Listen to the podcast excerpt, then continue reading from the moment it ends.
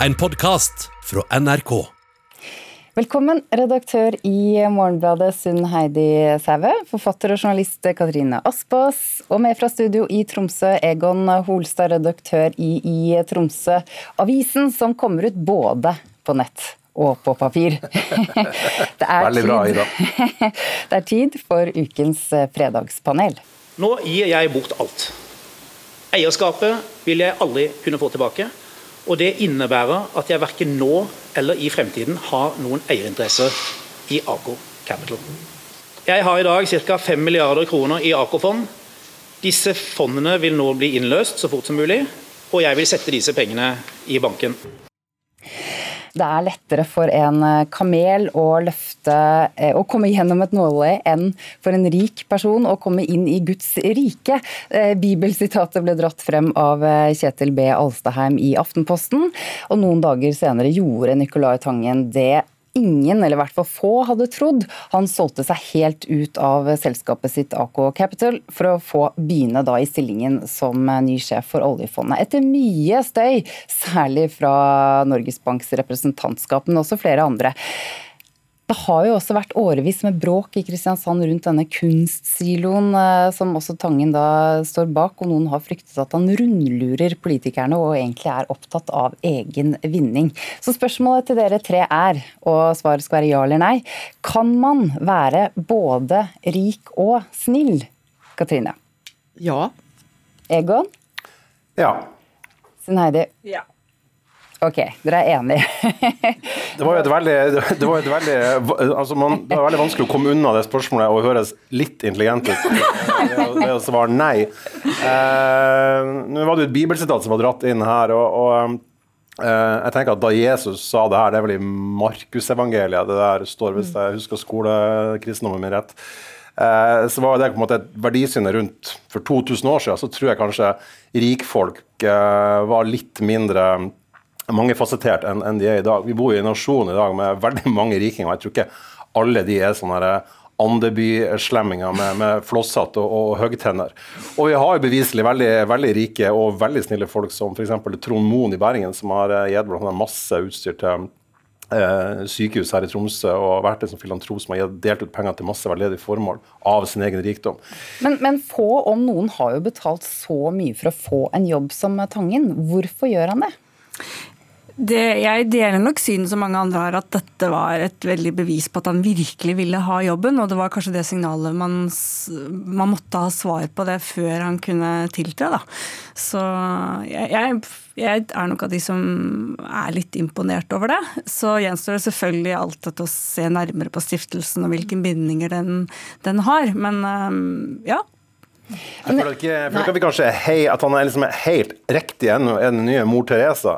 Um, og jeg tror også denne, denne Kunstsiloen som han står bak, er også et sånn typisk eksempel på, på rike, eh, rike, menn som ønsker sånne eh, skjulte falloser av seg sjøl, eh, satt opp akkurat som den eh, runkestien til, til Ringnes på, på, på, Ekeberg. Så det er jo klart at de er jo Man må jo ikke tro at de driver med veldedighet, de her folkene heller, men, men det, er, det, er, jo helt ryddig at de gjør det de gjør. De må vel ikke late som om det er veldedighet, for det er det ikke. Katrine Aspaas, en slik jobb gir jo tilgang til alle viktige mennesker i Norge, Noe... som han kan bruke i hvert fall ett etter at han er ferdig med jobben eh, i oljefondet? Ida, der er du inne på en kjerne, tror jeg. Fordi Tangen eh, han utvider verdibegrepet. Han er ute etter noe helt annet. Han har vist at han kan bli en av de aller, aller rikeste globalt. Og det, det er liksom Hvor gøy er det i lengden?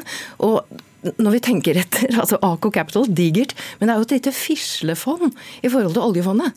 Så det å kunne gå rundt og, og, og representere oljefondet, og så tror jeg han viser seg altså Jeg syns han viser seg som en visjonær leder, som også Christian Ringnes har vært. Uh, han har vist seg som en visjonær leder, og jeg tror, jeg, jeg håper at han kommer til å eh, koble oljefondet i løpet av de neste tre årene, at han setter sitt fingeravtrykk, kobler oljefondet til FNs bærekraftsmål, i hvert fall to av dem, tre av dem. Altså De fleste bedrifter som vil noe, skjønner at de har et ansvar utover eh, bunnlinja. Og det er det vi blir både motivert av og inspirert av. og vi vil jo noe med det oljefondet, og det tror jeg Tangen er riktig mann til å, å vise oss. Og med tanke på at man kanskje også tenker at det er et snev av å bygge et ettermæle her, så ville jo det vært veldig riktig, da. Veldig, veldig riktig. Han står i Davos i 2022 og snakker om global skatt. At vi må innføre mer skatt. ok, det, det, er en bestilling fra Katrine Aspaas. Og da skal vi høre en eh, TikTok-video fra NRK Super.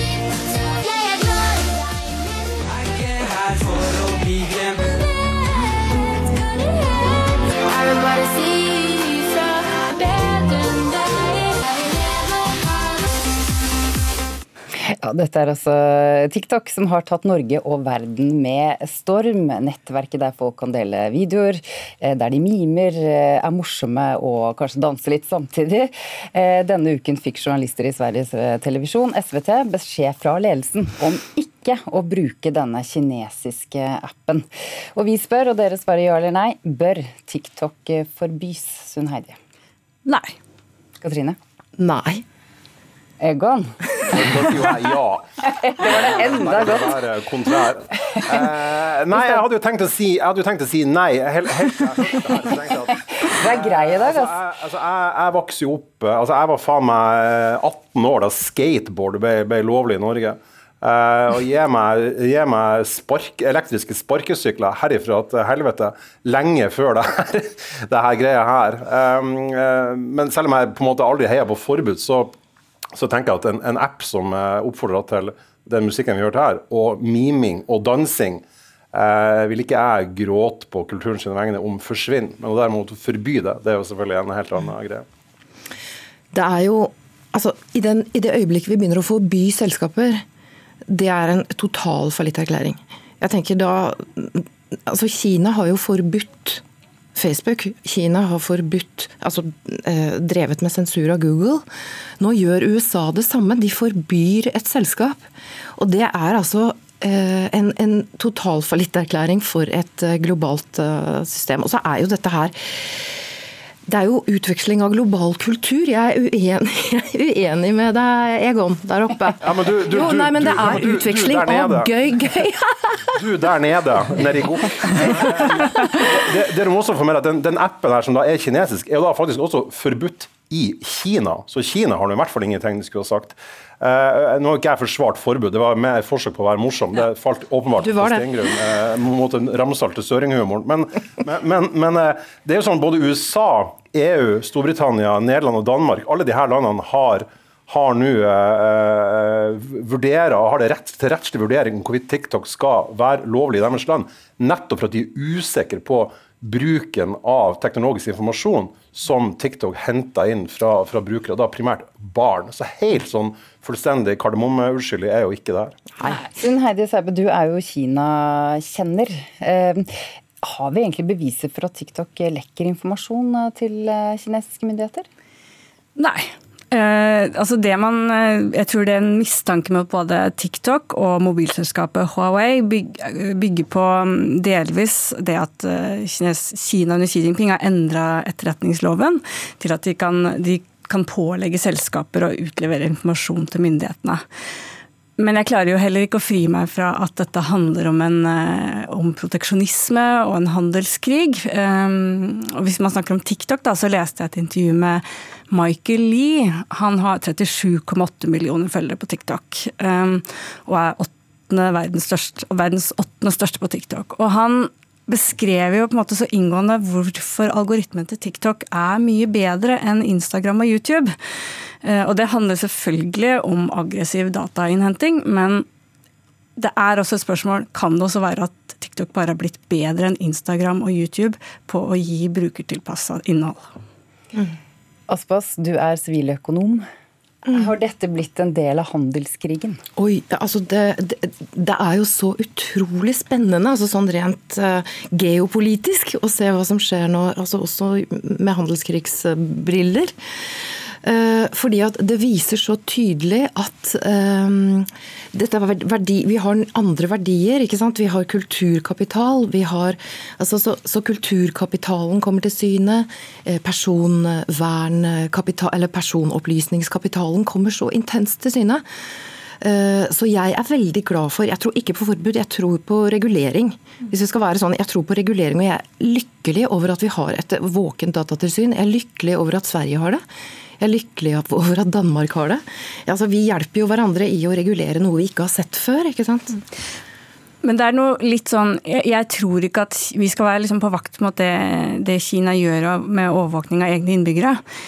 Men jeg tror ikke vi skal ta, tenke at de har bygget Huawei og TikTok for å overvåke innbyggere. Jeg tror dette er selvstendige kommersielle foretak eh, som handler om teknologisk nyvinning.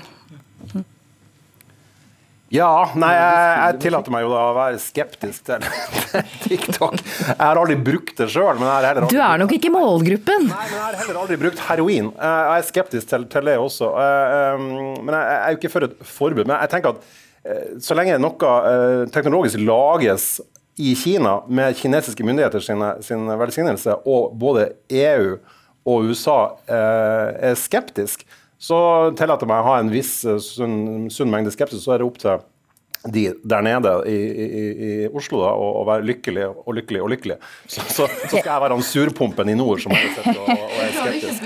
Ok, Men kanskje dette gjør deg glad, Egon? Ja. Når vi spiller musikk da, som har en personlig betydning for oss, så vil vi også samtidig bli minnet om hvor vi kommer fra, hvem vi er, da, hvor vi tilhører, hvilke venner vi har, hva vi har opplevd. Så Sånn sett kan man jo si at det er en slags et lydspor for for vår identitet. da. Ja, For de som hørte Kulturnytt i Nyhetsmorgen i går, så fikk vi presentert forskning eh, som handlet om hvilke låter vi ville tatt med oss på en øde øy. Det er jo et klassisk spørsmål. Eh, og målet er da å finne ut hva slags musikk som betyr noe for oss. Og disse forskerne fant ut at gamle låter fra det tiåret vi var unge, definerer oss for alltid. Det var forskning.no som skrev om dette først. Spørsmålet er ja eller nei. Er det noen vits å ha med seg musikk på en eh, øde øy, Egon? Ja, i aller høyeste grad. Ja. Ja Alle var enig i det. Ja. ja, men Egon, du er jo ekspert på øde øyer. ja, vi har USA-eksperter, så har vi Øde øye-eksperter. Nei, nå har jeg hatt i, i, i, fem år jeg hadde ei spalte i uh, avisa i Tromsø der jeg jobba, uh, som heter 'På en øde øy'. Ja, det er ikke tull. Mm. Med, med undertegnere. Og det, det, er faktisk helt sant. Uh, der jeg uh, intervjua forskjellige folk som har et eller annet slags forhold til musikk. Enten at de er musikere, eller at de er i en kulturstilling, eller har eller man vet at de er interessert i musikk. Og så spør jeg da hvilket album vil du ha med på en øde øy, og så får vi en, en, en samtale som spinner, spinner, videre med det som, som utgangspunkt. Uh, nå er vel uh, premisset her i, i, i det her innslaget, eller det, det, spørsmålet som vi fikk, det var jo basert på, på, en, på en artikkel hos forskning.no. Uh, der de hevder at uh, musikken man hører mellom, den man hører mellom, mellom man er 10 og 30 år, er den man bærer med seg videre. Og at uh, det BBC-programmet som da har hatt det her Øde øy-konseptet i det lengstlevende radioprogrammet i England, tror jeg, Eh, så har de funnet ut at det er gjennomgangstonen. Alle plukka låter, så, eller de åtte låtene de får lov å plukke, er låter fra da de var 10 til 30 år. Så liksom Bruce Springsteen valgte Beatles osv. Det er presentert som, som, som grensesprengende forskning. og det er er vel omtrent like overraskende som da Fridtjof Nansen gikk over Grønland og fant ut at det var is på Grønland. Eh, som, som, som, som, Hamsun sa. Så, så, jeg, så det, ville det, det, meg, jeg ville tatt med meg denne her. Monica Settelund. Oh, det er skönt når Stockholm er grønt. Sakta vi går gjennom stan Et kyss, så går vi sakta igen Sakta vi går gjennom stan Jeg mener, du må ha Altså, hva, hva er vi uten? Dette har, Thank you for the music. har preget deg, Monica. Ja, jeg har det. Vi får frysninger her vi sitter. Men du, um, burde man ikke heller hatt med en god bok da, på en øde øy? Man slapper enda litt bedre av med musikk. Når du eh, når du er ordentlig sliten, så er det jo liksom det å lukke øynene og sette noe på øret altså, som, eh, mm. som, funker. Um, men du skal slippe at jeg synger. men trenger vi, altså- trenger vi sånn forskning? Nei, altså den, den forsknings... Jeg leser en artikkel til forskning ennå. Det, det, det, altså, det, jeg tenker sånn, Nå brukes det virkelig for mye penger på forskning. så det her er, det kunne jeg, jeg kunne, de kunne ta en telefon med. Ja, altså Vi trenger forskning. og Nå er jeg helt seriøs. Vi trenger forskning. Eller er jeg Ja, jeg er det. Jeg bare følte du avbrøt Egon litt. Er han er med jeg Tromsø. hånda opp på hodet. Det er en slags ironihatt. Um, humorhatt. Jeg er jo ikke imot forskning, men denne type forskning, der masse forskere kommer frem til at den musikken du hører mellom 10 og 30 år, er den du bærer med deg resten av livet, det kunne jeg fortalt dem helt gratis. For det er jo selvsagt sånn det er. Og når folk blir spurt om hvilke låter du skal ta med på Ødøy i, i en kulturell sammenheng, så tar du låter som du syns forteller noe om dem. Da tar du ikke en hit fra forrige uke, for den er du ikke sikker på om har etablert seg på samme måte som den musikken har gjort. Så den forskninga i dette tilfellet syns jeg var helt uhyre banal. Og da tenker jeg bruk penger på noe mer fornuftig enn den der type forskning. For det her var Kort til slutt. Katrine Aspaas, siden du både spiller i band og synger i kor. Altså det er, Når det gjelder følelsene våre, når det gjelder det som knytter oss sammen, så er det faktisk så, sånn at det banale er det sentrale. Og det, det, det, passer veldig bra på en dag som dag. En dag som i dag, som eh, Trump har holdt sin tale på, på landsmøtet sitt for bare noen timer siden. Takk, alle tre. Egon Holstad, med fra Tromsø. Mange ganger før har det vært med takk igjen. Katrine Aspaas, eh, takk til deg også, og takk til deg, Sunn Heidi Sæbø. Du har hørt en podkast fra NRK. Hør flere podkaster og din favorittkanal i appen NRK Radio.